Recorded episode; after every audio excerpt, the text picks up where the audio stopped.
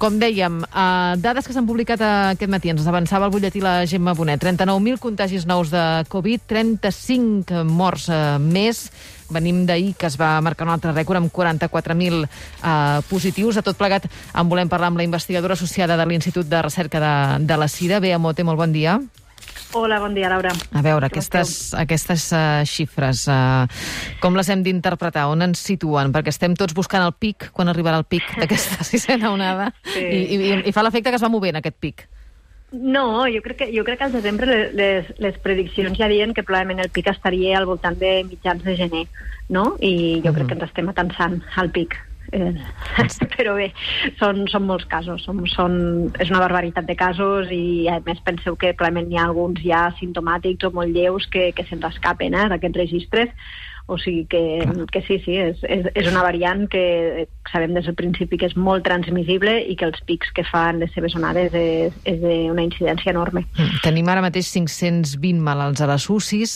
A les UCIs, sí. Sense la vacuna, a la tercera onada es va arribar als 700 i a la primera als 1.500. Si ara mm. tothom, tothom, tothom estigués vacunat, la xifra de malalts a les UCIs ara mateix seria molt més baixa? Bé, tenim taxes de vacunació molt altes, eh? Vull dir, jo crec que hem de fer la reflexió contrària. És dir, si no tinguéssim la taxa de vacunació que tenim, amb aquesta onada, imagineu-vos com estaríem amb ingressos a l'UCI.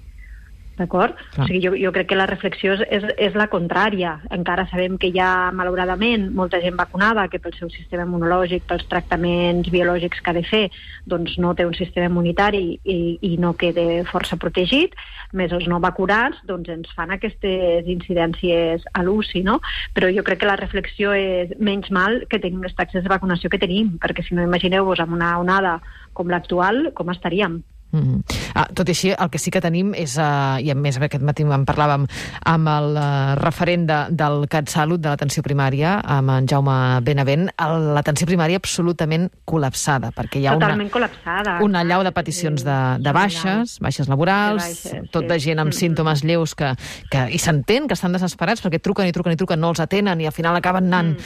al cap i, i això encara encara és pitjor. Això s'atura molt. Clar, com, com ho podem fer? Perquè, clar, ara moltíssima gent està donant positiu aquests dies. Com ho poden fer per, per gestionar-ho sense empitjorar encara més la situació als CAP?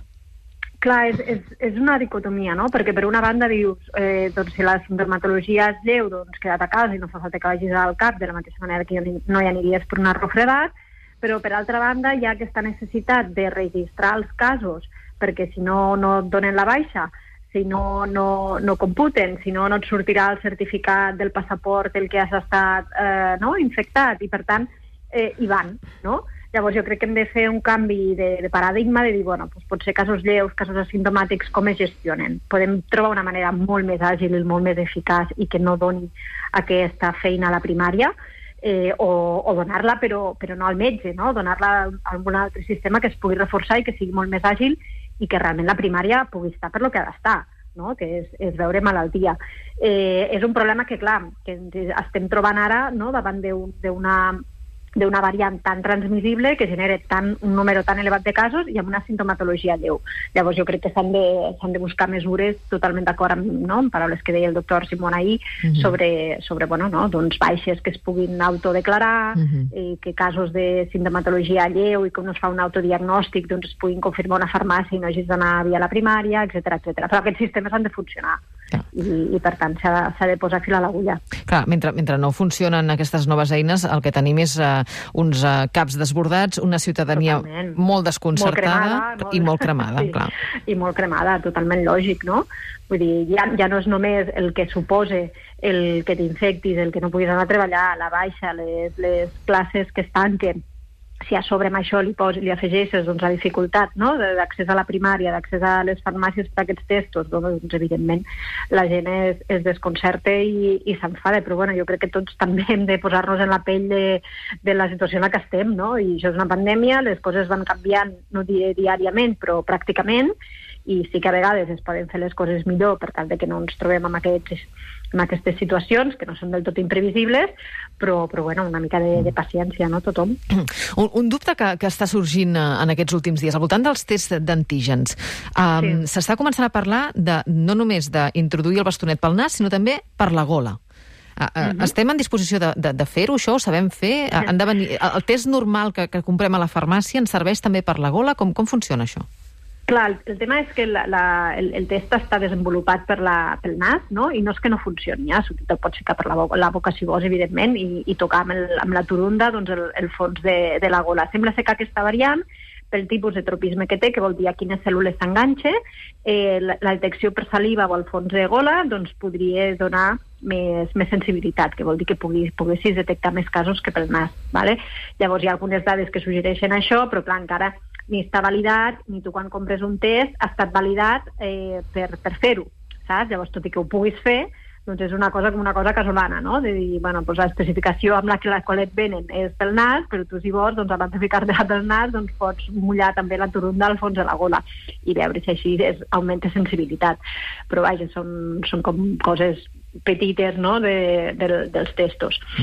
Per tant... Els serveixen pel que serveixen, eh? Vull dir, serveixen per diagnosticar una infecció simptomàtica amb molta càrrega viral, sabem que casos amb càrrega viral baixa se'ns escaparan de la detecció de test antígens uh -huh. i, i que per això cal repetir-los el, al cap d'uns dies de l'aparició dels símptomes per veure si ho enganxem. Que li vols afegir la mostra a la gola? Doncs mira, ben, benvinguda sigui, eh? uh -huh. no, no hi ha cap problema. I, I això s'ho pot fer cadascú a casa seva?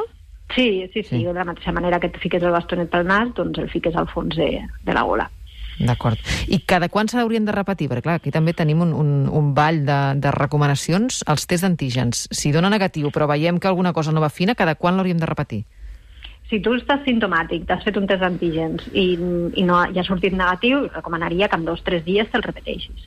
D'acord? Lo ideal seria que poguessis accedir a una PCR, però no sempre la PCR és, és accessible, no?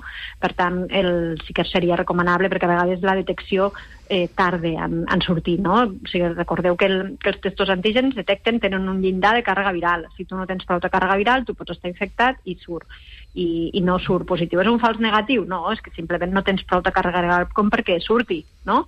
i llavors pues, és recomanable amb, amb un parell de dies tornar-ho tornar, a repetir. Si tens molta sospita, si has estat en contacte amb algú, si, no? si tens símptomes compatibles, de totes formes, sempre mana la prudència. Si tu has estat en contacte amb algú i tens símptomes compatibles, queda't a casa, assumeix que ets positiu, tot i que l'antigen sí pots, uh -huh. m'entens? Però clar, al final també la societat doncs, ha d'anar a treballar, ha de fer certes coses i no sempre és possible aquestes recomanacions, no? Però dins, el, qui, qui pugui, doncs que escolti, que teletreballa i que en dos dies es repeteixi el test, no? Uh -huh. Ara que, que mirant les uh, dades acumulades des de l'inici de, la, de la pandèmia, a Catalunya tenim uh, un milió i mig de casos uh, acumulats. Uh -huh. Això vol dir que encara falta molta més gent perquè, perquè l'agafi, l'ha d'agafar... S'ha de contagiar molta més gent encara? Bueno, és, és probable que amb Omicron la, la quantitat que l'agafi sigui enorme, no? O sigui, crec que sortien les estimacions de l'OMS que deien que potser en 6-8 mm. setmanes la meitat de la població sí. europea l'hauria agafat. Eh, clar, és, és probable que la segueixi agafant moltíssima gent. Penseu, a més, que la vacunació actual que tenim la, té la capacitat molt reduïda no? de prevenir-nos front, a, front a infecció per l'escapament que, que ha fet a la, a la vacuna Omicron.